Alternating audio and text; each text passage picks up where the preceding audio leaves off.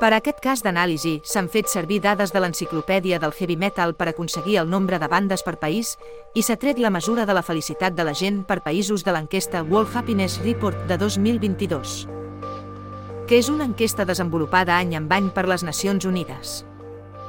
Et deixo tots dos enllaços a la descripció.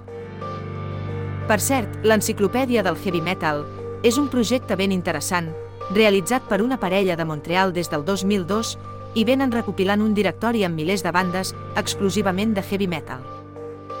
A dia d'avui tenen indexades ni més ni menys que 4.765 bandes només d'Espanya i 3.907 de Mèxic. Sembla que Europa és on hi ha més afició pel heavy. I per això s'han pres dades de països europeus per a aquesta anàlisi. Però vegem què té a veure el nombre de bandes de heavy metal en un país i el grau de felicitat dels seus ciutadans.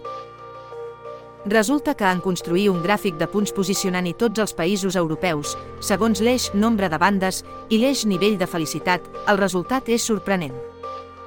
Clarament hi ha una correlació lineal entre les dues dimensions. És a dir, els països amb més bandes metaleres. Els seus ciutadans manifesten ser més feliços. Però compte. També és perfectament vàlid dir-ho del revés. Els països on la gent se sent més feliç, hi ha més bandes metaleres. I és que resulta que les dues afirmacions són certes.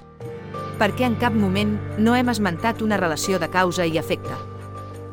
És a dir, que hi hagi més bandes perquè la gent sigui més feliç, ni tampoc que la gent sigui més feliç perquè hi hagi més bandes de heavy. Simplement són variables relacionades que, quan una puja, l'altra normalment també ho fa i no per causa de l'altra, sinó possiblement per una tercera o més variables.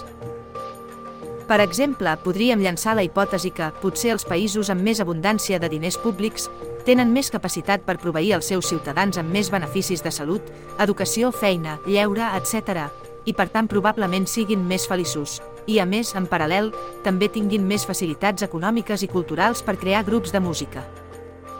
Vaja, n'és un exemple. Per acabar, he de dir que encara que aquest exemple de les bandes sembli força obvi, no sempre és fàcil evitar assignar relacions de causa i efecte en multitud de correlacions que veiem diàriament. Desafortunadament, és una cosa que fins i tot de vegades es fa servir de forma malintencionada per posar certs sectors de l'opinió pública en contra d'altres com en l'exemple extrem de la gent que creu que els negres hi tenen alguna cosa inevitable per ser menys pròspers econòmicament i laboralment que els blancs, perquè les dades mundials allà on les cerques mostren normalment una correlació alta i persistent entre pobresa i color de pell. Tots fallem alguna vegada l'any, fent alguna d'aquestes inferències errònies de causalitat sobre la base de dades correlacionades. Espero que ara estiguis una mica més alerta d'aquest viatge cognitiu important i perillós. Ah, i per cert, malgrat el que acabo de dir, és clar que hi ha relacions de causa i efecte entre variables observades en sociologia, medicina, història, economia, etc. Però hi ha moltes més correlacions no causals que causals. Aleshores, simplement, hem de ser molt previnguts. Datòfils.